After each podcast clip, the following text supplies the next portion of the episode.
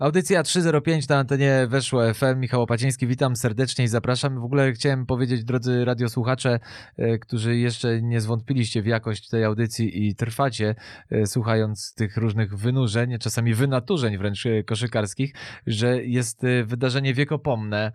Sytuacja, której nie było od dłuższego czasu. Oczywiście byli goście, były audycje na żywo live, były audycje na żywo nie live, z gośćmi przez Skype, Whatsappy, telefony. Oczywiście Oczywiście jedno, co się nie zmieniło, to nadajemy z radiowych zaświatów, ale postaramy się nadawać aktualnie, ale jest żywy gość w studiu, a nazywa się ten gość e, Piotr Wesołowicz, e, sport.pl, ale na Twitterze Pit Wesołowicz w koszulce Utah Jazz występujący na zdjęciu profilowym, czyli Pistol Pit polskiego dziennikarstwa koszykarskiego. Dzień dobry Piotr. Cześć, dzień dobry. Nawet rozważałem dzisiaj tę bluzę, ale już mówię, kurczę, za, za dużo e, jazzmenów może. Posłuchaj, żeby nie było tak, że ja oszukuję, bo staram się nie oszukiwać, znaczy generalnie ta audycja jest szczera, mógłbyś puknąć w stół na przykład albo coś, jakoś nie wiem. Nawet y, tak mi zareklamowałeś, że żywy pit, y, pistol, więc jestem żywy, cytując Fisza, martwym jeszcze nie byłem. E, Piotr, a dlaczego e, Pete?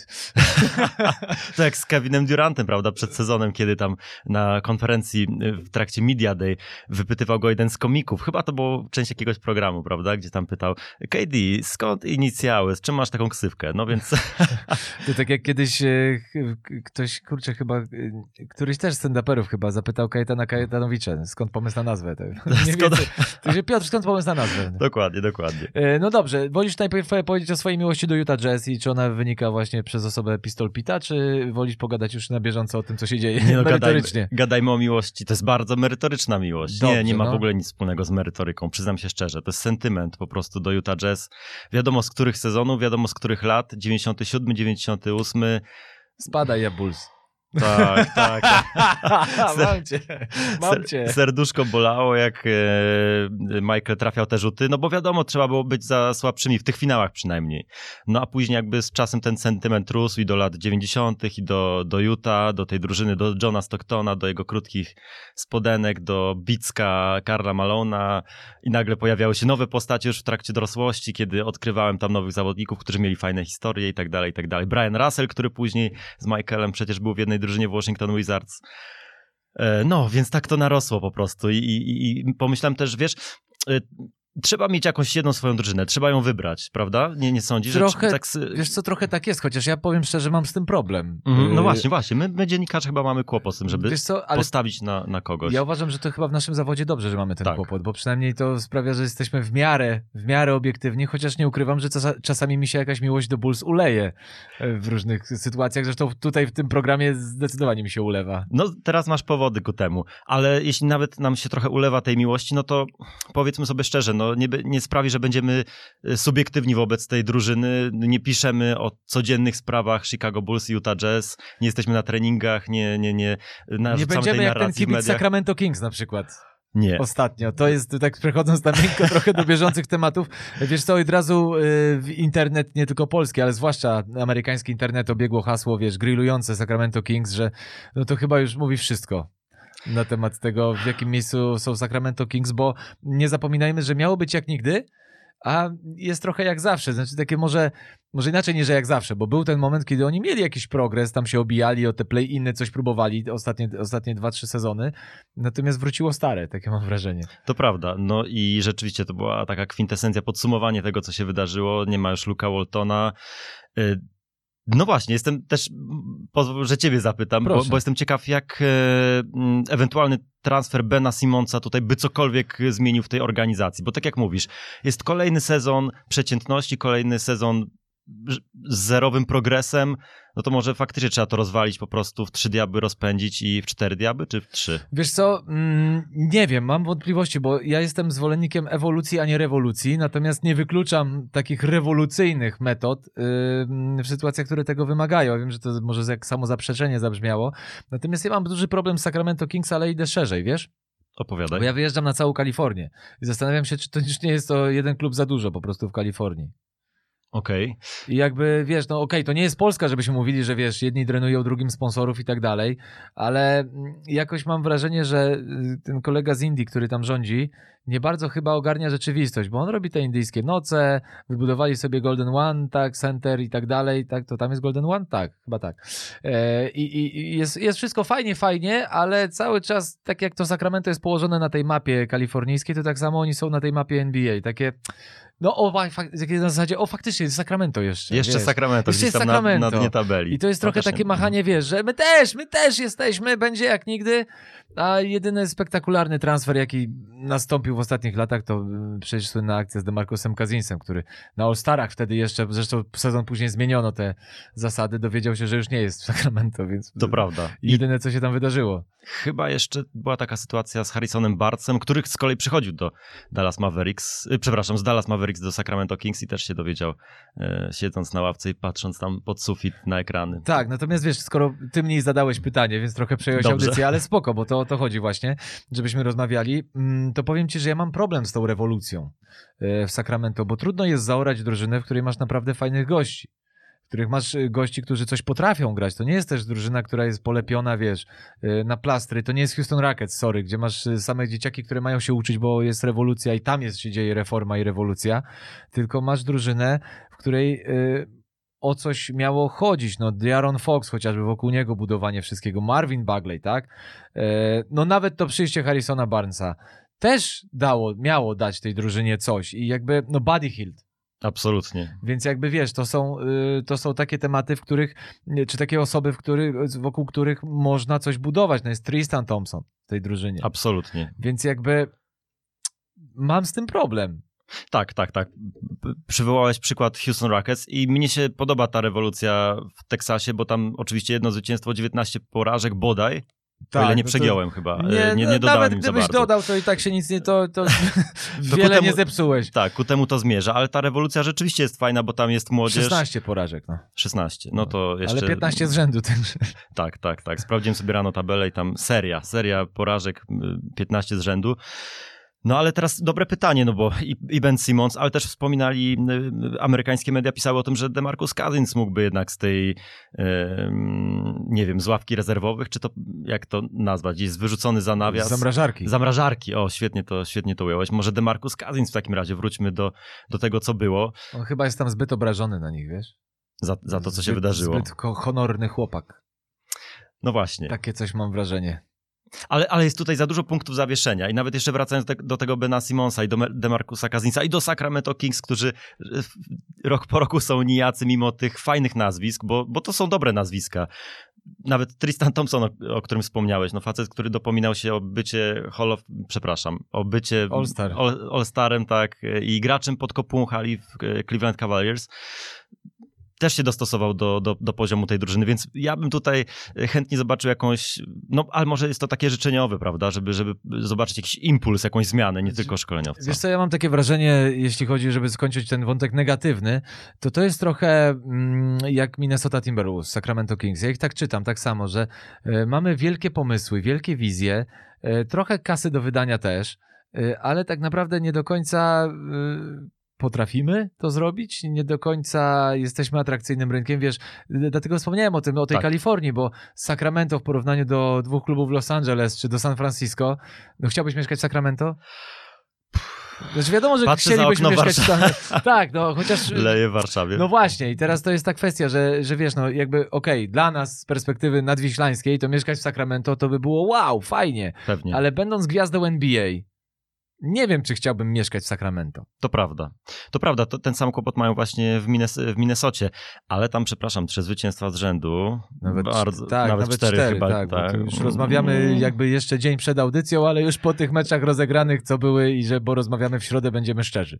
Tak, bo, bądźmy szczerzy, więc y, no, nie powiem, że zatrybiło w Minnesocie, ale coś już się tam wydarza. No, na pewno się wydarza więcej niż w Sacramento, to, Tak, to, to zdecydowanie. I nie- zresztą znowu Minnesota też taka drużyna, której chyba właściciele, e, no już wiekowi państwo, są tacy bardzo, oni są tacy z sercem. To jest fajne, bo to nie jest taki, wiesz, y, drapieżny biznes w ich wykonaniu i że uprzedmiotawianie wszystkich i wszystkiego, tylko taka czasami naiwna, taka wiara, że coś tutaj odpali, y, prawda, i tak dalej, i że będzie cudownie. Natomiast no, Minneapolis po prostu jest bardzo nieprzyjemnym miejscem do życia. Powiedzmy sobie wprost, upały, jest amplituda temperatur roczna 40, osie- y, 80 stopni Celsjusza, od minus 40 do plus 40. Zimy takie, że nie pytaj. Miasto zamknięte na wysokości pierwszego piętra, całe downtown.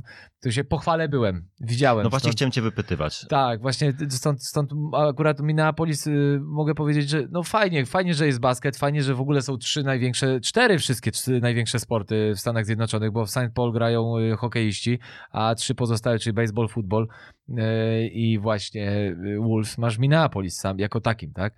Mm, Bo to jest to Twin Cities słynne. I jakby widać, że biznesowo o coś tam chodzi. I jakby to miasto fajnie prosperuje, jest okej. Natomiast no, jest jakaś taka aura, której nie przyciągniesz, do której, przez którą nie przyciągniesz gwiazd. To jest trochę taki syndrom Portland. To nie są takie duże rynki koszykarskie, jakby się mogło wydawać, bo mimo tego, że Sacramento jest stolicą Kalifornii, no to co z tego? No to, To jest prawda. stolicą Kalifornii, tam siedzą panowie w biurach od polityki i tyle. No, A wszyscy lgną do Lakers i do Clippers. Właśnie. I to jest chyba trochę problem tych ośrodków. Z drugiej strony fajnie, że one są. Tylko wracając już jej, wracając i kończąc wątek Sacramento Kings, no myślę, że może Luke Walton po prostu nie był tą osobą. Myślę, że Luke Walton jest świetnym asystentem trenera, ale może nie jest po prostu postacią, która jest świetnym pierwszym szkoleniowcem. No może to jest y, dobra decyzja władz y, Kings i też dobra dla właśnie Lu- Luka Waltona, żeby zrobił ten krok w tył. Wielu trenerów NBA zrobiło ten krok w tył po to, żeby później y, z doświadczeniem pójść dalej. Choćby Jason Kidd y, był asystentem No, ale między innymi Alvin. Gentry, który przejął teraz po Luke Waltonie Sacramento, też przecież był head coachem. E, On chyba, on rzucił podwaliny pod Warriors? Czy to Griffin był? Chyba Griffin.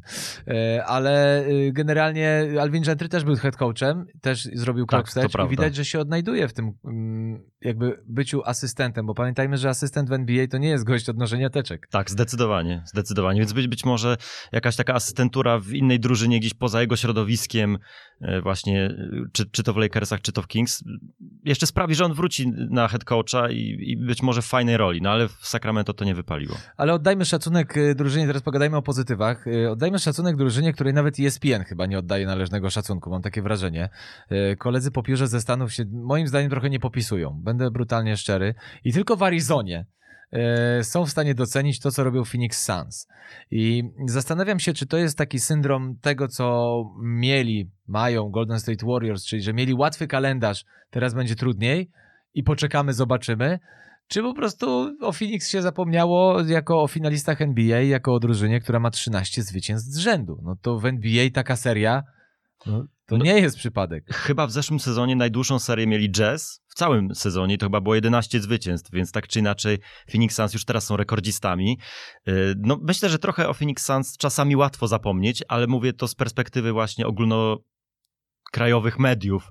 I tam rzeczywiście, wiadomo, to finalista zeszłego sezonu, ale gdzieś jakby na uboczu, poza tymi największymi e, rynkami, ale dzieją się tam bardzo fajne rzeczy i tak jakby zarysowując sytuację, no to Devin Booker, e, Chris Paul urośli po tym, znaczy nie wiem, czy można jeszcze urosnąć w wieku Chrisa Paula, ale wydaje mi się, że to się po prostu wydarza na naszych oczach, że ten facet jest liderem z krwi kości, e, pomaga po prostu wygrywać mecze swojej drużynie. To się działo w każdej poprzedniej ekipie i to się dzieje tak samo w Phoenix Suns, a po tym sezonie, w którym e, grali w finale, no są jeszcze, jeszcze bardziej mocni, pewni siebie. To samo Devin Booker, który mm, trafia w kluczowych momentach. Nie pamiętam statystyk w tym momencie.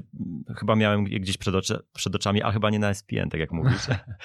Nie, ale wiesz co, bo jakby o statystykach to nie ma co, wiesz, my nie będziemy tu się w liczby zapuszczać, bo to Tak. nie, ma, nie ma sensu. To w jednym zdaniu po prostu Tak. Devin Booker trafia fundamentalne rzuty w końcówkach meczów. I to jest, i to jest fajne, to co się e, zmieniło i to co sprawia, że ta drużyna jest jeszcze bardziej urosła. Ja mam takie wrażenie, że Chris Paul późno, bo późno, ale y, jeśli chodzi o wiek oczywiście, jego dokonania w NBA, ale znalazł swoje miejsce w NBA. To znaczy, to mi przypomina trochę tego Chrisa Paula, którego transfer zablokowano wtedy do Lakers bodajże, tak? Czyli Tak. tego Chrisa Paula z Nowego Orleanu. Jeszcze wtedy Hornets.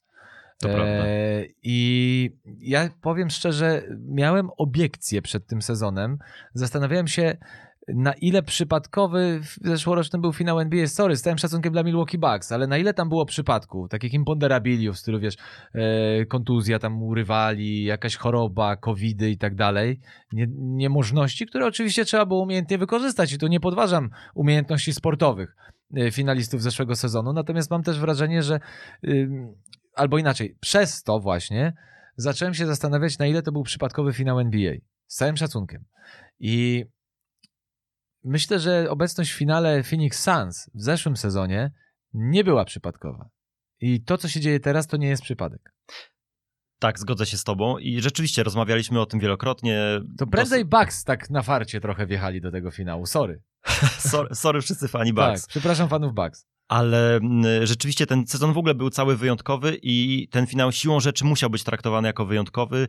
No to był finał B, powiedzmy wprost. No, wszyscy mm, rozsądnie myślący y, obserwatorzy NBA no, stawiali na jeden możliwy finał w owym czasie, czyli Nets Lakers, tak? To prawda, ale i widzisz, to samo było przed tym sezonem, że wszyscy uznali, wszyscy w cudzysłowie oczywiście, nie powinniśmy używać tak słów. Tak zwana opinia publiczna. Opini, tak, opinioniści uznali, że Y, wszystko wróci do normy i widzimy się z Lakersami i z ekipą z Brooklynu w finale. Jakby tutaj dograjmy sobie spokojnie ten sezon zasadniczy, ale widzimy się KD kontra LBJ w finale. A tutaj o ile okej, okay, jeszcze Netsi są Netsi w tym momencie... się bronią. Netsi, o ile Netsi się bronią, dobrze to ująłeś, o tyle Lakersi są totalnie, totalnie w lesie, a Phoenix udowadnia to, co mówisz. Jakby nie, nie, panowie, myliliście się. Ja wiem, wiem, wiemy, że jesteśmy z małego rynku, wiemy, że tam są wielkie nazwiska, wielkie hasła, ale my tutaj robimy coś wspaniałego i na lata.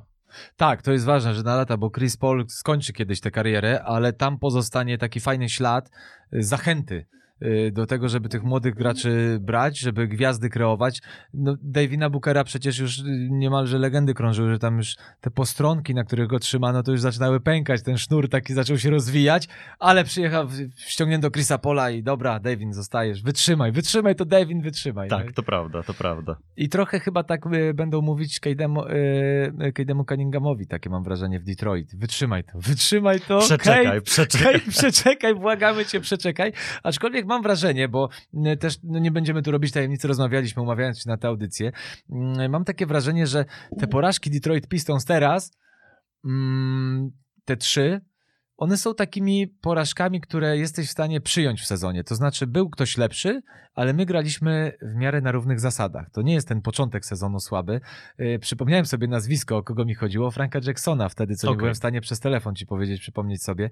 Jego transformacja w tych ostatnich spotkaniach, to jak funkcjonuje gra Detroit Pistons sprawia, że Wiem, tak, wiem, gdzie oni są, na którym miejscu w tabeli. Wiem, jestem fanem Bulls y, z urodzenia, a mówię dobrze o Detroit znowu, ale oni są fan to watch.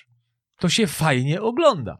To, to zaczyna nabierać mm, jakiegoś, mm, jakiegoś kształtu, takie mam wrażenie. I nawet jak patrzę na ten mecz z Lakers, który tam przerwany przez tę awanturę LeBrona Jamesa i Stewarta, nie pomyliłem nazwiska, nie, nie, nie pomyliłem, Isaiah, Isaiah Stewart, Stewart tak. oczywiście.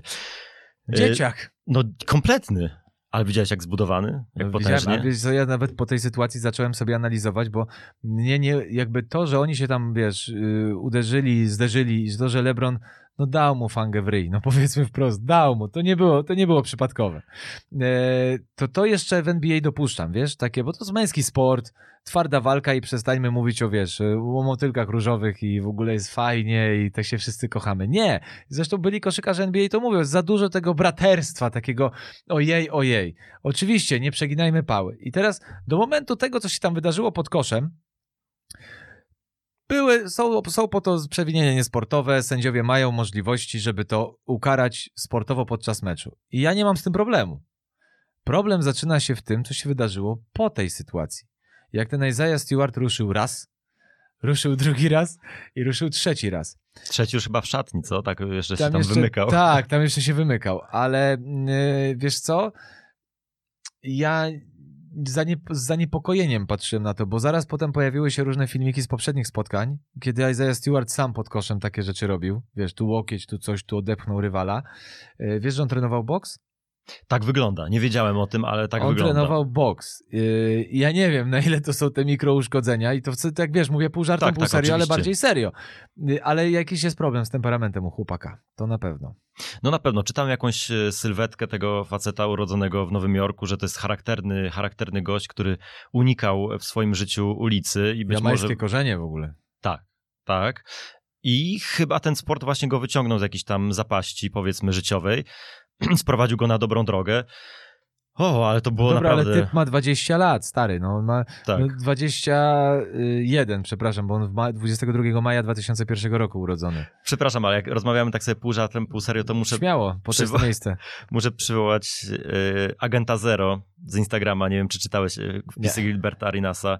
I, I bardzo mnie rozbawił ten wpis po tej awanturze, bo było rzeczywiście dużo takich e, mocnych słów, haseł, ale, ale Gilbert Arenas rozładował trochę atmosferę, bo napisał mu, że słuchaj chłopie, masz 20 lat, nie, nie, nie możesz się po prostu rzucać na pana Lebrona Jamesa w ten sposób, bo zaraz Detroit wyślą cię do Budapesztu albo gdziekolwiek indziej, wytransferują cię na, na drugi Dokładnie. koniec świata.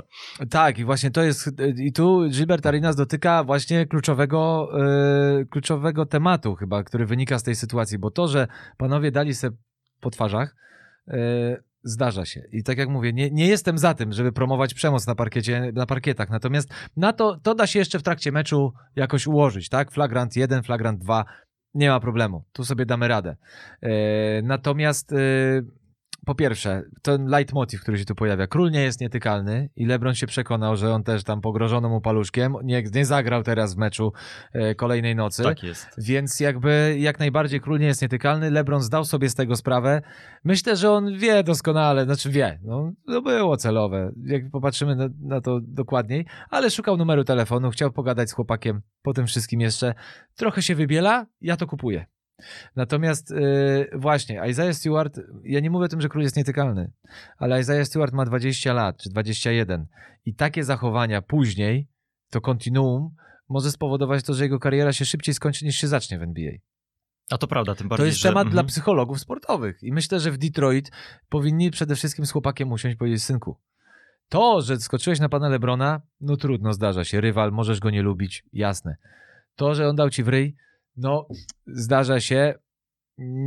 No próbowałeś mu odpowiedzieć, nie powinieneś i tak dalej, ale te dwa potem, te rzuty, że tak powiem, wyrywanie się tam całemu sztabowi i tak dalej, jeszcze Russell Westbrook dostał techniczne w ogóle, żeby było śmieszniej i tak dalej, no to już nie, to, to nie przystoi. To prawda. Próbuję zebrać myśli jakoś. Spoko, ja próbuję tego- też cały czas zbierać myśli. Obaj niewyspani, ale rozmawiamy i wiesz, y, rzeczywiście jest to temat dla, dla psychologów sportowych, temat do, do przerobienia. Tym bardziej, że ten facet miał czas ochłonąć y, po tym, co się wydarzyło. Tak jak mówisz, oddzielało go kilkunastu, kilkunastu ludzi i to może rzutować na jego reputację w lidze NBA. Oczywiście jest zabijaką, jest super. Kawał super, zawodnika. Tak, kawał zawodnika atletycznego, absolutnie, ale, ale to może rzutować. Zresztą widzieliśmy w NBA wiele przykładów, gdzie jakieś nieprawidłowe zachowania, nawet też poza parkietem, sprawiały, że ludzie wypadali z ligi albo ciągnęła się za nimi jakaś opinia. Trzeba być Nikolą Jokiciem, gościem y, z MVP i z ugruntowaną pozycją w NBA, żeby taki faul tego typu jak przeciwko Morrisowi powiedzmy uszedł na no, sucho. ale też to znaczy, wyleciał. tak. I niesmak pozostał, prawda? Ale, ale zapomnimy mu to, bo, bo wiemy, że to jest Nikola Jokic, a, a Isaiah Stewart może, może cierpieć przez to. Znaczy, Ja myślę, że przede wszystkim e, poza Detroit i poza tam, okej, skautami NBA, środowiskiem NBA, tym ścisłym, to świat usłyszał o Isaiah Stewarcie dopiero po tej sytuacji. To prawda. I, Jakby, i, i widzimy po raz I pi- tu tak, jest to, o mhm. czym mówisz, to jest ta różnica właśnie. Jokic przez sport, ten przez to zachowanie. No i to jest jakby ta ten kłopotliwa sytuacja. Tak, tym bardziej, że nie wiem, Nikola Jokic uderzył Morisa, pojawią się z nim fajne memy, śmiesznie, czy nawet zostanie to jakoś w pewnym stopniu y, złagodzone. No ja mam nadzieję, że on od, odbierze ten Ale telefon. Jokic chyba się przeprosił z, Moriczem, z, Mo, z Morisem w końcu. O, to widzisz. To... Oni jakoś chyba tam, znaczy przeprosił, no nie wpadli sobie w ramiona, ale jakiś taki na zasadzie, dobra, już stary, zostawmy. Nikola Jokic to jest po prostu fajny gość. Mówi o tym zresztą Rafał Juć nie, nie raz i nie dwa, że to po prostu jest sympatyczny facet, który uwielbia koszykówkę i nie przyjechał tam, żeby robić awanturę, tylko żeby się dobrze bawić, więc myślę, że po prostu musiał być ostro sprowokowany przez rywala. No i ja mam, tak podsumowując, mam nadzieję, że jednak znaj- LeBron znajdzie numer. No. I Isaiah, y, Isaiah Stewart podniesie słuchawkę i pogadają sobie po Tak, prostu też mi się tak wydaje, tym bardziej, że w tym momencie właśnie jakby LeBron, jakby Isaiah Stewart porozmawiał z LeBronem, to wyjdzie mu to jeszcze na zdrowie. O, pewnie, pewnie. No bo rzadko się zdarza, żeby LeBron sam, wiesz, chciał po takiej sytuacji takiego dzieciaka. No nie mówię o Benie Simonsie, którego tak przytulał, prawda? I teraz mamy to, co mamy, tak? Tak, zgadza się. Ale masz rację, może być, wiesz, y, w dalszej części kariery go jakimś tam mentorem, powiedzmy. Nie mówię, że tak będzie go przytulał mocno, ale szorstka przyjaźń. y, Oczywiście. Gdzieś tam sobie poszturchają się. Wiesz, mają ma mieć w CV awanturę i, z Jamesem, a później jakiś, O kurde, formę. to scenarzyści Hollywood już, wiesz, czekają na takie story. Oni czekają, co się wydarzy dalej, bo już mają początek. Oni już My początek też mają. czekamy, my też czekamy. historii. Tak, no ja mam nadzieję, że po prostu do takich rzeczy nie będzie dochodzić, natomiast też nie popadajmy z drugiej strony w taki, wiesz, steryl, sterylny, sterylne podejście, że mój Boże, jak oni mogli. No mogli, ale przegięli. To Proste. prawda, to Móc prawda. mogą, tylko jest granica. W hokeju dopuszczane są bójki, oczywiście siadają zawodnicy na ławce kar, ale żeby się wyładowali. Ja nie mówię o tym, żeby dopuszczać bójki w NBA, ale myślę, że gdyby sytuacja zakończyła się tylko po tym, co było pod koszem, to A to jest w ogóle bardzo ciekawy temat, bo z jednej strony. Tak jest. Z jednej strony są lata 90., 80., gdzie ludzie się prali po twarzach, po buziach, tam sobie dawali ostro. Z drugiej mamy tę NBA dzisiejszą, łagodną jej wersję i sami gracze przyznają momentami, że te bójki są czasami, te przepychanki są ciut udawane, że po prostu nie chcą brać w tym udziału, nawet gdzieś przechodzą sobie obok, jak Ale Russell wiesz co, zobacz, teraz masz kolejną zmianę przepisów, która po raz kolejny jest krytykowana przez zawodników. Okej, z jednej strony James Harden już ma problemy, żeby te przewinienia wymuszać przy rzutach dystansowych. To akurat mi się podoba z perspektywy obserwatora, bo jest przynajmniej ciągłość gry, jakieś coś się dzieje, o coś chodzi, nie jest to ciągle znowu przerywany, tak jak kiedyś były haka sytuacje, tak? Tak. Haka Jordan ostatnie, czyli DeAndre Jordan i tak dalej. Tego też już nie ma. To jest spoko. Natomiast mm, ta gra stała się bardzo taka delikatna, taka bezkontaktowa i e, a te frustracje gdzieś wychodzą. No, to jest sport niezwykle kontaktowy, chyba najbardziej kontaktowy ze sportów drużynowych poza hokejem, tak? To prawda. I, i te, te momenty, kiedy y, sędziowie wlepiali przewinienia techniczne, kiedy zawodnik jakoś spróbował odreagować, nie wiem, nieudaną akcję, mocnym odbiciem piłki od, bar- od parkietu, jakimś uderzeniem tam w bandę i za, za to był faul, no oni gdzieś muszą się wyładować i w takim momencie trzecia kwarta, y, na szczęście nie było powtórki z Malice at the Palace. No nie, tak. to się nie wydarzyło, to się nie wydarzyło. się wyszarpywali Ale to sobie. też był pałac, tylko pałac Małego Cezara. Tak. To, nie, to, To nie arena jest- Małego Cezara. To już nie jest tak. Tak, Little Caesars Arena, ale yy, to na pewno, natomiast jeszcze tak wątek a propos właśnie sędziowania. Mm, Jeden, który też chyba trochę wynika z tego przewrażliwienia sędziów, przewrażliwienia NBA na taką polityczną poprawność, z którą ja mam problem. Kocham NBA całym sercem. Uważam, że jest to najbardziej profesjonalna organizacja sportowa na świecie, czy jedna z obok NFL. E, natomiast y, ta polityczna poprawność, ta aura politycznej poprawności, żeby tylko takie to było wszystko wyłagodzone, powoduje tym, że zawodnik, tak jak powiedziałeś, chce odreagować, puści faka i dostaje dacha. No to, to mm, no tak nie powinno też Ta wyglądać. frustracja gdzieś musi po prostu Oczywiście. wyjść i, i czasami wychodzi w takich brzydkich momentach. Oczywiście, że tak. Wracamy do sportu? Tak Sensu jest, no stricte? zdecydowanie. No dobrze, zdecydowanie. to y, drużyna, o której też warto pogadać, znowu wrócimy na zachód, o której też sobie troszkę porozmawialiśmy, mm, poza, że tak powiem, anteną. Y, Golden State Warriors. No, Jak jesteśmy, ty, jesteśmy fanami obaj chyba Jordana Pula i tego, co, wy, co absolutnie, wyprawia. absolutnie. Jak ty, jak ty, Piotrek, ich czytasz? Jestem ciekaw tego twoich spostrzeżeń na temat tego, co się dzieje, co się działo ostatnie dwa sezony i co się dzieje teraz, bo wielkich zmian kadrowych tam przecież nie było. Nie było i tak, dwie rzeczy. Przede wszystkim ja bym wystawił pomnik Steve, Steve'owi Kerowi. To jest dla mnie i z, i z czasem, jako, mówię jako dziennikarz i kibic y, NBA, który przygląda się tej lidze od dawna i widział Steve'a Kera jeszcze na parkiecie, a to nie jest już takie oczywiste. Y, Młodzi Jesteśmy fani NBA go nie pamiętają, jesteśmy starzy, tak jest. Boomerzy. Boomerzy widzieli, jak zdobywał tytuły z Bulls, jak zdobywał tytuły ze Spurs i jak teraz zdobywa, zdobywał, przepraszam, tytuły y, z Golden State Warriors i, i, i ten facet bardzo mi się podoba, on, on niesamowicie wypowiada się o swoich graczach. To jest taki typ szkoleniowca, którego ja bardzo lubię i podziwiam, taki budujący swoich zawodników, nawet takie filmiki, gdzie tam dogaduje, coś wspiera. można czasami odnieść wrażenie, że on nawet za bardzo tak filozofuje, że on jest Tak. taki zbyt właśnie cieplutki, zbyt taki mm, nawet politycznie poprawny bym zaryzykował. Może tak. nie denerwuje. O, rzeczywiście ciekawa, ciekawa tak, uwaga. Ciekawe synu. spostrzeżenie. Traf, tak, wiesz, no ty, wiesz o co chodzi. Tak, on często takim właśnie mentorskim tonem, na linii właśnie ojciec, ojciec, syn, ale popatrz, kurczę, to działa i, i to temu facetowi powinni wystawić e, w tym momencie pomnik, bo wyratował choćby Andrew Wiggins, za to jest pierwsza rzecz, za, za, za, za, co powinni mu stawiać pomniki w tym momencie, a za to, że zdobywał tytuły z Warriors, to już w ogóle jest inna, inna bajka. Ale jeśli pytasz mnie o te, y, tę perspektywę dwóch, trzech ostatnich sezonów, to niesamowitą alegorią jest y, sama sytuacja Kleja Thompsona.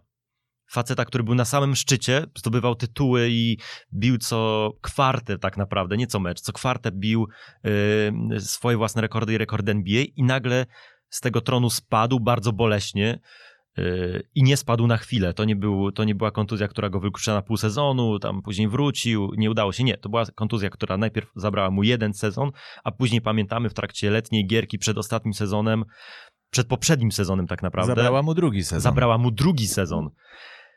I, I popatrz, co się dzieje, jak jest hype wokół powrotu Kleja Thompsona. To jest coś cudownego. Uwielbiam na to patrzeć, uwielbiam się temu przyglądać.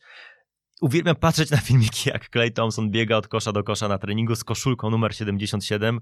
Y, To oczywiście symboliczne wskazanie przez kolegów, jakby nadrobienie tej straty, y, y, tej krzywdy, którą mu sprawiła NBA, wyrzucając go poza 75 najlepszych graczy NBA. I, i, I to samo dzieje się z, z Warriors. Dokładnie to samo. To znaczy, oni spadli z tego tronu. Y, y, I, i, I to nie było tak, że oni się jakoś tam ratowali, próbowali na szybko coś ściągać. Jakiś... Nie, to nie był ten, to nie był ten pomysł na, na tę drużynę. Trzeba było przeczekać swoje i z powrotem zbudować, y, zbudować nową energię. Popatrz, Chicago Bulls, jak Michael Jordan zdobywał swój ostatni tytuł, Phil Jackson powiedział, koniec, jakby ta drużyna się wyczerpała, to jest nasz last dance, to się, te, te, ta formuła się skończyła, musimy się rozejść. A tutaj popatrz, oni się nie rozeszli, oni się nie rozeszli, musieli dać sobie odpocząć, być może Clay Thompson nieświadomie dał im ten odpoczynek, ten czas na przeczekanie i, i widzimy to, co widzimy. E, Steve Curry, przepra- przepraszam, Steve Curry jest niesamowity, ale Stephen Curry jest przede wszystkim niesamowity. Tak, ja nie wiem, czy, czy zgodzisz się ze mną, że, ten, że powinny być dwa pomniki przed y, Halo Ch- Chase Center. Drugi właśnie dla Stefana Kerego, którego y, no, trudno nie lubić, jakby i za osobowość, za to, co robi, za to, jak zmienił grę, no bo przecież to się wszystko zaczęło 7-8 lat temu y, od niego. Natomiast bardziej ja myślę o tych momentach właśnie te dwa sezony, kiedy oni byli na dole. Tu wychodzi Stephen Curry. Stephen Curry, który kiedy tylko mógł, nie miał kontuzji, był z drużyną, grał na 100%, nie na pół gwizdka, nie gwiazdorzył. Nie gwiazdorzył, wręcz przeciwnie. Wychodził i ciągnął ten zespół. Wtedy jeszcze dwa sezony temu tych dzieciaków z G-League. W zeszłym sezonie, no już coś się wydarzyło, ale też musieli się zgrać, tak naprawdę. Też nie ta, ten system gry Steve'a Kera. y, I to jest ważne też. Steve Kerr konsekwentnie ten sam system gry stosował. Nieważne, czy było dobrze, czy źle. Dzisiaj są tego efekty. Na tym, no już nie takim wczesnym etapie sezonu, teraz już po tych mm, tam miesiącach, za chwilę dwóch gry, gry mm, widać, że ten system przynosi efekty. Zawodnicy do niego dojrzeli, dorośli, nauczyli się. Trzeba było oczywiście tam parę zmian w składzie dokonać. Natomiast sam Stephen Curry, on jest dla mnie niezwykle elastycznym zawodnikiem, bo yy, my widzimy w nim strzelca, no genialnego shootera, chyba najlepszego shootera wszechczasów, myślę, no, z całym szacunkiem dla Raya Allena, ale znowu, inna gra, inne realia. E, Myślę, że Ray Allen w, tym, w tych realiach miałby większe problemy. I nie obraziłby się, na odnaleźć. I ciebie. Myślę, żeby się nie obraził. Myślę, że myślę, że naturalną wyżej. koleją rzeczy, to jest po prostu gdzieś naturalny, naturalna ewolucja, tak? Natomiast e, i tak pamiętamy, Stefa- tak kojarzymy Stefana Karego, natomiast mam wrażenie, że czasami w różnych dyskusjach, nawet my tutaj między sobą, tak po koleżeńsku, zapominamy o tym, jakim on jest genialnym rozgrywającym. Jak on świetnie widzi, jak on świetnie uruchamia, wykorzystuje swoich kolegów. Bez Stefana Karego nie ma Draymonda Greena. Ale kiedy jest Stephen Curry na parkiecie, nagle się okazuje, że liczbę asyst mają podobną. Nawet, e, okej, może nie podobną, bo podejrzewam, że Stephen Curry i tak miałby ją większą, ale on jakby doskonale organizuje tę grę. Mecz ostatni z Toronto Raptors obejrzałem cały z zapartym tchem. E, Nie pod kątem widowiska sportowego, tylko patrzyłem właśnie na to funkcjonowanie Stefana Karego w momencie, kiedy przeciwko niemu były podwojenia, potrojenia. Nawet kryty w twarzą twarz, e, będąc, też miał problemy. To nie był chyba też jego dzień, tak swoją drogą, ale on wiedząc, że to nie jest jego dzień, nie, nie grał na siebie. Na siłę, że ja tutaj jestem Stephen Curry, ja tu będę pozamiatam zaraz. Nie, on uruchamiał jeszcze bardziej właśnie swoich kolegów. On zdobył 12 punktów, ale Jordan Poole świetnie uruchomiony. Draymond Green blisko triple-double bez punktów znowu. Tak, to jest szalone. To jest, to jest w ogóle coś fenomenalnego i jakby to jest Stephen Curry i on przez te dwa ostatnie sezony, kiedy oni byli na dnie, kiedy nie miał kontuzji, tak grał z tymi dzieciakami. Juan Toscano Anderson to jest zakochany w ogóle po uszy. Chłopak z, z, gdzieś z, Me- z okolic Meksyku, tak? Gdzieś tam uczenie jeszcze w Meksyku czy coś. Jakieś takie klimaty mocno latynoskie, ale raczej nie takie super optymistyczne latynoskie. Bierze się trochę znikąd, przepraszam, z całym trochę z dupy w tym NBA, y, w Warriors do tego i gość nagle, y, nie dość, że rośnie dzięki Stephenowi Karemu, to on mówi, że to jest w ogóle absolutnie fenomenalne. Nawet kontuzjowany Stephen Curry przychodził na treningi i mówił e, JTA, tak się ustaw, tak graj, tu popatrz, tu zobacz. No, pomnik się należy. pomnik się należy, tym bardziej tak. Jasne, mówimy bardzo ciepło o tym, co teraz robi na parkiecie, ale to, co wspomniałeś, przez ten czas, kiedy był kontuzjowany, kiedy to była drużyna, bardziej powinni się nazywać Santa Cruz Warriors, czyli po, Tak, wyjść tak. tym, tym No G-ligowym niewiele składem. ich dzieliło, to prawda. Niewiele ich dzieliło i, i on cały czas tam był, a mógłby spokojnie sobie siedzieć w garniturze na końcu ławki i po prostu być gdzieś tam poza drużyną albo wpisywać się w protokół, że ja odpoczywam w tym sezonie, powiedzmy tam co, co, który, No co któryś Clay. Thompson tak właśnie funkcjonował, bo Clay Thompson siadał na trybunach gdzieś wyżej i tak dalej, a Stephen Curry Tak. cały czas przy zespole, czy miał tą nogę zabandażowaną, czy nie, cały czas na ławce. Akurat dla Claya Thompsona to mogło być też ciut bolesne mentalnie. A to jest inna sprawa, tak, tak, dokładnie. bo on rzeczywiście to, że się nie rozjechał psychicznie, to jest Mistrzostwo Świata, to szacun dla instytucji, jaką są Warriors, za to, że nie pozwolili Clayowi Thompsonowi się, bo przecież to już deprecha gwarantowana, no. Tak, to prawda. Pamiętam, jak pisałem, wklepywałem sobie tekst o Clayu Thompsonie, o, o jego urazie właśnie, który wykluczy go z nowego sezonu. To było rok temu i po prostu no, nie wierzyłem w to, co jakby czytałem sobie ESPN i tak dalej. Ja mówię, serio? Jakby facet po roku... y, be- po roku siedzenia na ławce, leczenia, rehabilitacji, tego wszystkiego, wychodzi sobie na gierkę y, gdzieś tam w hali w Los Angeles, trenuje sobie z chłopakami i zrywa po raz kolejny y, Acela, zdaje się, tak? Tak, tak, no znowu to samo. To Znowu to samo. Tak. Nie, nie, nie, nie, nie mogłem w to uwierzyć, więc kurczę, no czekam strasznie na ten jego powrót, ale, ale widzisz, nawet Jordan Poole, facet wyciągnięty z kapelusza, troszeczkę, przepraszam, no to nie był y, czołowy pik w draftu, to był jakiś facet z końcówki pierwszej, No właśnie, no to są... To, chyba na przełomie pierwszej i drugiej rundy. No i to jest właśnie magia y, organizacji Warriors, no to, tak, to jest... zdecydowanie. To im trzeba oddać. Zresztą no, tak ma być też stworzony draft, tak? Że do tych dobrych drużyn mają trafiać ci zawodnicy niżej notowani. Oczywiście wiadomo, że tam loteria, dostosowanie, bo potrzebujemy tego, zapotrzebowania, wymiany i tak dalej.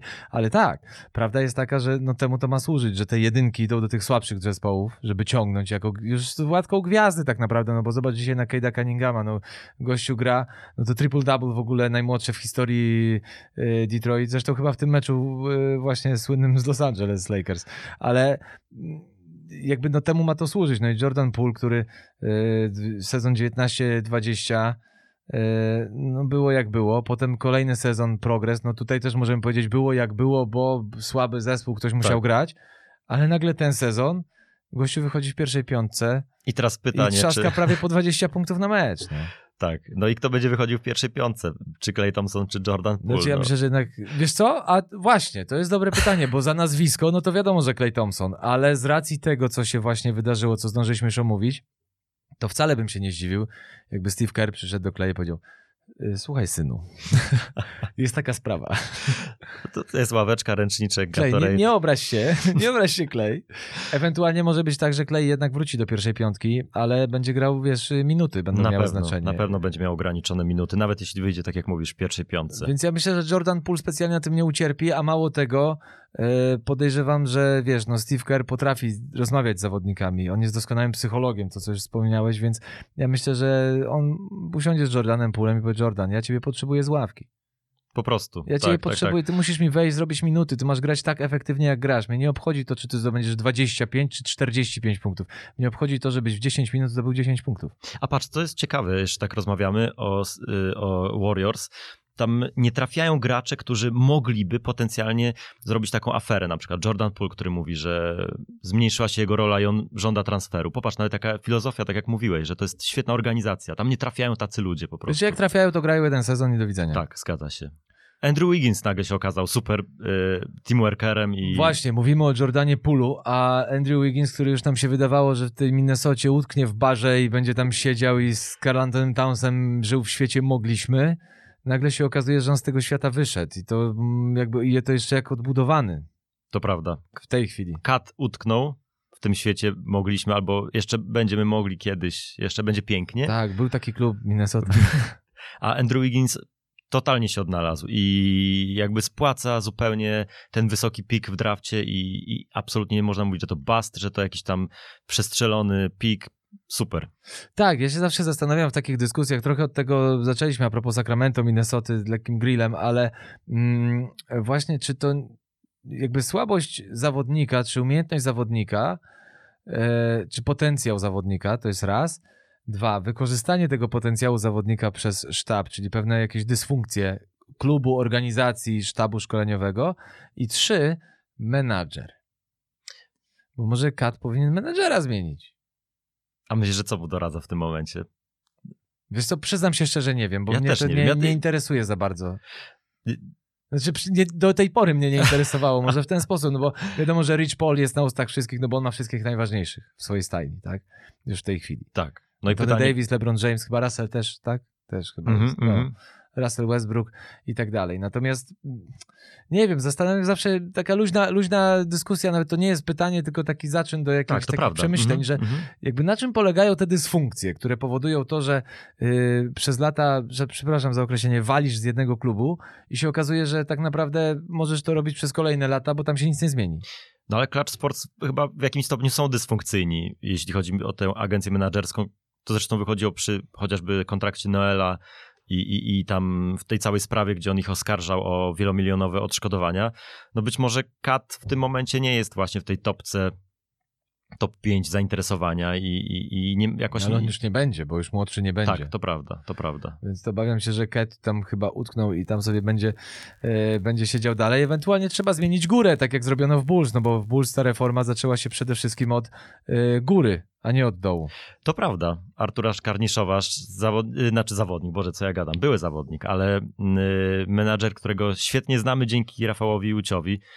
Fantastycznie się to ogląda. Nawet utyskiwano, że to nie jest y, taki profil drużyny, który może powalczyć o coś więcej niż play-iny, a okazuje się, że no nie, nie, nie, mijają mecze, a to jest na drużyna, bardzo dużo. tak, to jest kontender, który może powalczyć o fajne rzeczy w tym Znaczy, ja sezonie. myślę, że za chwilę będzie tak, że przestaniemy zachwycać się Washington Wizards, bo oni trochę mają zadyszkę, złapią zaraz zadyszkę i to nie jest jeszcze ekipa, która jest stworzona do wielkich rzeczy. Fajna ekipa, ale myślę, że oni tak za chwilę będą coraz niżej, coraz niżej. Takie siódme, szóste, siódme miejsce to jest to, tu gdzie widzę Wizards. No ale pierwsza trójka wschodu to będzie Nets, Heat, Bulls, za chwilę Bucks, jeszcze wrócą, może Celtics, New York Knicks i nagle tych Wizards na szczęście zapominamy. Na szczęście, No wstyd się przyznać, no jestem obiektywnym dziennikarzem, ale unikam tematu Wizards. Unikasz, okej. Unikam. Nie, nie mogę, jakoś, tak jak powiedziałeś, no masz organizacje, które nie jesteś w stanie powiedzieć nawet dlaczego darzysz sympatią i masz organizacje, których nie darzysz sympatią. No Okej, i jakoś, może zatem wiesz co, byłem, może dlatego, że byłem, widziałem na miejscu, no bardzo się cieszę, że widzisz. Marcin Gortat tam grał, dokonywał wspaniałych rzeczy i bardzo się cieszę, że, że, że super się tam zapisał w tym klubie y, swoje nazwisko, natomiast mm, nawet jak Marcin tam grał, ciężko mi było, ja mówię, jak Marcin w Wizards, jak? Nie- nie zgrywało w ogóle ci się nie, to. Nie, zgrzytało mi to strasznie i jakoś, nie wiem, aura może tego miasta, może to połączenie, wiesz, to po- położenie tej hali, nie wiem, nie, nie, nie jestem ci w stanie jakoś powiedzieć, co powoduje, że za Washington Wizards nie przepadam. A to jest ciekawe, bo Kyle Kuzma, jak już wi- wiedział, że wylatuje z Lakers, to mówił, że już a, myślałem, że jednak Sacramento, a to jednak Waszyngton, ale dwie organizacje, o których dzisiaj niezbyt ciepło się wypowiadaliśmy i o miastach w zasadzie, Tak. e, więc mm, miał trudny wybór tutaj, ale ostatecznie Waszyngton. Znaczy, wiesz, no, ja nie, nie, nie podważam absolutnie tego, że dzieją się tam dobre rzeczy, nie podważam tego, że jest to profesjonalna organizacja, nie podważam tego, co jest niepodważalne, co widać gołym okiem. Byłbym głupi, gdybym dyskutował z tym, że powiedział, że to jest słaba drużyna. Ale jakoś jak nie muszę o nich mówić, to wolę nie. Okej, to ja w dwóch słowach. Proszę cię uprzejmie. Wiesz co, bo mi się podoba, podoba to, y, co się wydarzyło. To zresztą taki zalążek tego, jak rozmawialiśmy w studiu Basket Office w Kanal Plus, to w, jed, w jednym słowie, ten drugi mm, sort graczy wyrzuconych z Lakers bardzo mi się podoba. Bardzo lubię ich podejście mentalne. Nie podobało mi się znaczy nie podobało mi się, to złe słowo, ale no tak ze smutkiem patrzyłem na ten pierwszy, na tych pierwszych wygnańców do Pelicans, że oni byli tacy przygnębieni, yy, że są tutaj na zesłaniu, a tutaj oni to, to, to, całe trio od razu wiedziało, że o nie panowie, teraz my wam pokażemy jak się gra w basket i Kyle Kuzma zwłaszcza, przepraszam, był takim gościem, zresztą to widać na parkiecie, jak on czasami się aż buzuje od niego, jakieś dziwne rzeczy tam robi, podskakuje, przy, tam przebiera nogami, jest to bardzo zabawne, ale też bardzo fajne, bardzo sympatyczne. Ja bardzo trzymam za niego kciuki, żeby w tym Waszyngtonie jednak, jednak się pokazał z dobrej strony. Nie, no oczywiście, no wiesz, trzech za jednego, aś wymienionych i się okazuje, że LeBron zrobił robotę nie z sobie, ściągając Westbrooka. Chociaż tu akurat Westbrook sam, zawsze raz Westbrook będzie się bronił, bo jest świetnym zawodnikiem. Absolutnie, nie można mieć. E, natomiast, no nie wiem, Lakers trawieni są chyba przez jakieś dziwne rzeczy, może w szatni, nie wiem, bo trudno mi jest znaleźć, wiesz, mając takich wirtuozów koszykówki, takie charaktery, takie mózgi, takie IQ, żeby oni się męczyli z Pistons, żeby oni mieli ujemny bilans, no dobra, teraz grali bez LeBrona, ale wciąż tym czynnikiem X w takiej drużynie jest LeBron, gdzie LeBron tak naprawdę potrzebuje ich wsparcia, ale nie potrzebuje, nie, teoretycznie na papierze nie musi już tak dominować, jak, mm, jak było w Cleveland, których sam pociągnął praktycznie do, do tego mistrzostwa. I jak było na początku, jak przyszedł do Lakers, wiesz o co mi chodzi, że są Jasne. takie, no kurczę, no dziwnie. Nie, nie, nie umiem się określić, jeśli chodzi jednoznacznie o czytanie jakiegoś takiego flow w Lakersach. No wygląda to, jak im wychodzi, to wygląda to mistrzowsko. No nie ma lepszej drużyny, jeżeli im wszystko wychodzi. Ale jak się psuje, to już po całości. A to prawda. I może taka alegoria do Cleveland Cavaliers, do których nawiązałeś, do tego 2016 bodaj roku, 17 już nie będę się teraz y, spierał, bo nie, nie pamiętam dokładnie, ale ten zaciąg gwiazd i przyjaciół LeBrona, Dwayne Wade, y, Derrick Rose, Isaiah no Thomas. No właśnie, to takie było. E, to było takie, że wow, paka, ale paka, nie? I oni muszą iść na mistrza z takim składem, z takim rosterem. Jak ktoś by popatrzył, no to kurczę, LeBron się otoczy po prostu mega gwiazdami. Oczywiście to jest inna już drużyna teraz Lakersi, też są, też są przyjaciele i kumple Lebrona, ale ci kumple ciągną tę drużynę, czyli y, Carmelo Antony chociażby, który, który, który już był skreślany wielokrotnie Znowu w NBA. czwarta młodość. Kto, dokładnie, zgadza się. Już nie trzecia, trzecia była w Portland, teraz jest czwarta. Zgadza się, masz rację i, i, i fajnie to wyglądało, chociażby ostatniej nocy, um, kiedy dostał tę owację na stojąco w Madison Square Garden w, w Nowym Jorku. Byłem ciekaw, jak przyjmą, jak przyjmą Melo Antonego, ale chyba mogli tylko w jeden sposób. No a kiedy do, obok Antonego stawiamy i właśnie LeBrona Jamesa i Antonego Davisa yy, i Russella Westbrooka, to też dokładnie patrzymy na ten roster i mówimy, to musi być finał, finał Ligi NBA, ale rzeczywiście dzieje się coś złego. Dzieje się coś złego przede wszystkim chyba z Antonym Davisem, no, który nie jest takim dominującym graczem pod nieobecność LeBrona Jamesa. Poza tym wiesz, jak już się zaczyna na początku sezonu mała utarczka słowna z Dwightem Howardem, kolegą z drużyny, no to nie wyglądało to dobrze. Na szczęście zostało to wszystko wyprostowane i tak dalej, ale, ale to świadczy o tym, że chyba jest za dużo samców alfa na metr kwadratowy szatni. Takie mam y, jakieś wrażenie. Piotrek, zmieńmy temat na y, kwalifikacje Mistrzostw Świata, bo jesteśmy to winni reprezentacji Polski oczywiście. Okienko reprezentacyjne FIBA y, brutalnie przeskakuje, ale czasu już niewiele pozostało, bo w czwartek Polska-Izrael, czy Izrael-Polska y, tak naprawdę w czwartek o 18 nowy trener, nowa kadra yy, zaryzykuje. Tak, powiedziałeś, że brutalnie przeskakujesz, ale to nie było takie brutalne, bo powiem ci, że byłem e, we wtorek na treningu reprezentacji Polski na Bemowie w, w hali Legii i czułem dokładnie to, co czujemy teraz siedząc i rozmawiając o NBA, czyli miłość do koszykówki. Naprawdę, to było coś takiego fajnego bije od tej drużyny Igora Milicicia, nawet patrząc tam przez szybkę na zajęcia, po prostu czuło się taką mega pozytywną energię. To jest zupełnie nowa drużyna, chyba jest trzech gości, którzy grali na mundialu w Chinach. I to jest Dominik Olejniczak, Oleg Balcerowski i nie wiem, czy Łukasz Koszarek jako no, dyrektor jako sportowy. dyrektor sportowy, jak najbardziej. To prawda, więc to jest zupełnie nowe rozdanie, ale jest fajne, jest fajne, jest dużo energii i y, słowo chaos było też kluczowe na, na tym, y, na, w trakcie tego Media Day, powiedzmy, tak to nazwijmy. Y, to Igor Milicic wielokrotnie podkreślał, że bywa chaos jeszcze w zagrywkach i w ataku, i w obronie, ale to jest twórcze i tak to ma właśnie wyglądać. I powiem ci, że nie jestem na pewno skauci, trenerzy by mnie zrugali, że w ogóle się wypowiadam na ten temat, ale patrzyłem sobie tak tylko na takie delikatne zagrywki.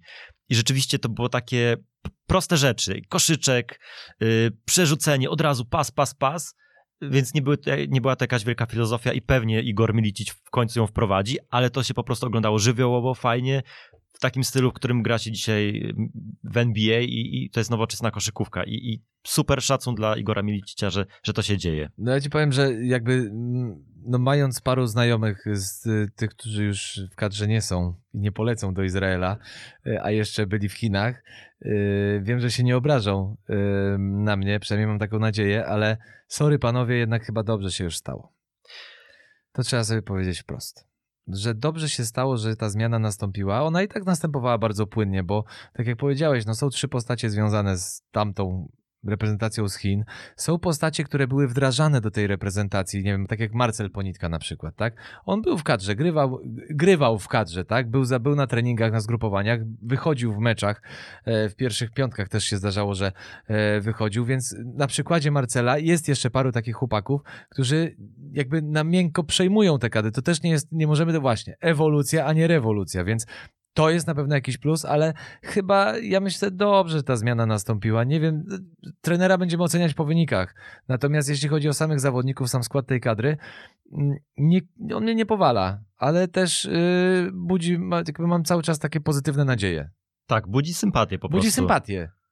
To nie znaczy, że tamta drużyna nie budziła, bo nie, nie, pamiętamy, no, że absolutnie tak, w tak. Kontekście weteranów, tych, którzy mhm. jakby wydawało się, że przez x lat mają już stałe miejsce w kadrze. Co by nie robili, to zawsze będą powołani. Tak no ich czas jakby już dobiega końca. No naturalnie, chodzi po prostu już o też wiek, tak? Ale to też fajnie Igor Milicic to rozwiązał, bo mm, powiedział nam wczoraj, że y, rozmawiał z tymi zawodnikami, których, którym podziękował, póki jak do tej pory, nie zamykał innymi... przed nimi drogi. I nie zamykał przed tak. nimi drogi. Powiedział, słuchaj, do, akurat tam by chyba był przykład AJ Slotera, z którym rozmawiał i mówi, AJ, jakby nie obrażamy się na siebie, yy, kiedy będę cię potrzebował, powołam cię, a z kolei AJ powiedział, że tak, okej, okay, super, jestem otwarty. W sensie, jeśli by, trenerze, jeśli będziesz mnie potrzebował, to po prostu dzwoń, znasz mój numer i ja, i ja przyjadę. I to jest fajne, że to nie, nie skończyło się tak spektakularnie, nie medialnie, cięcia, tak. tak. nie było takiego cięcia, że tutaj ja przychodzę i to jest koniec, yy, powiedzmy tam yy, jakiś już gracz X już nigdy więcej nie zagra w mojej reprezentacji. Nie, to jest bardzo fajne to, co się wydarzyło. A jeszcze dodajmy tych dwóch panów, bo trzeba im oddać. Nie ma ich dzisiaj. Mateusz Ponitka i Michał Sokołowski. Oni są w tej kadrze, ale, ale póki co ich nie ma, nie ma, nie ma w drużynie. Tak, Mateusz będzie na kolejny mecz dopiero. Tak jest. E, dołączy do, kiedy w, na mecz z Niemcami. No i to są liderzy jeszcze, oprócz tego Tomasz Gielo, to oni będą jakby tymi spoiwami, filarami tej ekipy. No i to są gracze, gracze naprawdę Y, doświadczeni, występujący w najlepszych europejskich ligach, więc też się nie spodziewam tutaj, że po prostu dostaniemy z Izraelem minus 30 czy z Niemcami, bo, bo nagle nas zaskoczą gracze z międzynarodowej półki. Tym bardziej, że pamiętajmy, że zawodnicy izraelscy czy, niemie czy niemieccy, oni mają kontrakty w NBA, mają kontrakty w euroligowych klubach, więc to nie jest też takie proste. I jakby zgodzę się z retoryką y, mojego serdecznego przyjaciela Wojtka Michałowicza, którego pozdrawiam z tego miejsca, jak zawsze, y, że tak, te reprezentacyjne rozgrywki są łatwiejsze dla niektórych drużyn. Ten poziom się wyrównał, y, przez co nie ma tych eurowpierniczy słynnych. Y, one następują dopiero później, weryfikowane są na, na mistrzostwach e, świata, czy, czy no tak jak w tym przypadku. Natomiast fajnie, bo dzięki temu jest ta wyrównana walka i nasi zawodnicy też mogą się czegoś uczyć przy okazji, biorąc pod uwagę ich wieki doświadczenie. Tak, my w cudzysłowie cierpimy, nie ma Mateusza Ponitki, ale Niemcy też cierpią. Y, mają absolutnie graczy Mają siedmiu graczy w NBA, chciałem zauważyć. Zacznijmy od tego. Bracia dokładnie. Wagnerowie, Maxi Kleiber, e, kto tam jeszcze? No jest jeszcze, Isaiah Hartenstein chyba, tak? Euroliga, Euroliga Alba Berlin, tak. Bayern, Monachium, oczywiście tam gracze amerykańscy główne role odgrywają, ale także ci niemieccy reprezentanci, więc no oni też cierpią. Polska, mm, Estonia, Niemcy, Izrael. Tak wygląda nasza grupa. Muszę już tak kondensując, kondensować myśli bardzo szybko. Yy, myślę, że mm, no właśnie, Izrael jest poza zasięgiem, reszta do ogrania? Tak. Czy Niemcy zrobią niespodziankę? Nie, no liczę, że wygramy w Lublinie. To znaczy, jest to oparte tylko to na takim wishful thinking, na Wiesz, z chcieństwie. Chorwacją chłopaki wygrali, nie? Tak, to No. prawda. I to w jakim składzie grała Chorwacja? Nie przyjechały ogórki. Tak, dokładnie, zgadza się, zgadzam się z tobą. Więc, ale liczę, że u siebie, przed własną publicznością, w Lublinie, w mieście, który czuje basket, będzie dobrze. I będzie to flow. Także najpierw, zanim Lublin w niedzielę y, o 20, to wcześniej y, Izrael i w Tel Awiwie Izrael-Polska w czwartek o 18. Zapraszamy Was bardzo serdecznie. Dawaj Polska. Dawaj Polska, tak jest. I tym hasłem kończymy dzisiejsze 305. Y, Piotruś, ty będziesz padał chętnie? No z bo, przyjemnością. cieszę- bo ja wiem, że tak estet- estetycznie to może nie jest, ale zapraszam Cię, jeżeli wszystko było ok. Super, to ja przyjmuję zaproszenie z góry. Dobrze, no to słyszycie, że Piotrek Wesołowicz będzie się e, pojawiał i na pewno w kolejnych naszych spotkaniach będziemy nieco bardziej merytoryczni, natomiast dzisiaj musieliśmy trochę ogólnie polecieć. Mówię o licz- liczbach, cyferkach, wiesz. Okej, tym. przepraszam. Nie, nie, o tym, o tym, nie, to mo- spokojnie, obaj niewyspani. Ale wam życzymy dobrego snu, ale jeszcze nie teraz, bo jest popołudnie, a później jeszcze wieczór, więc trzeba parę rzeczy zrobić. Trzymajcie się, do usłyszenia za tydzień. Cześć. Gol! Gol! Gol! Weszło! Weszło! Weszło!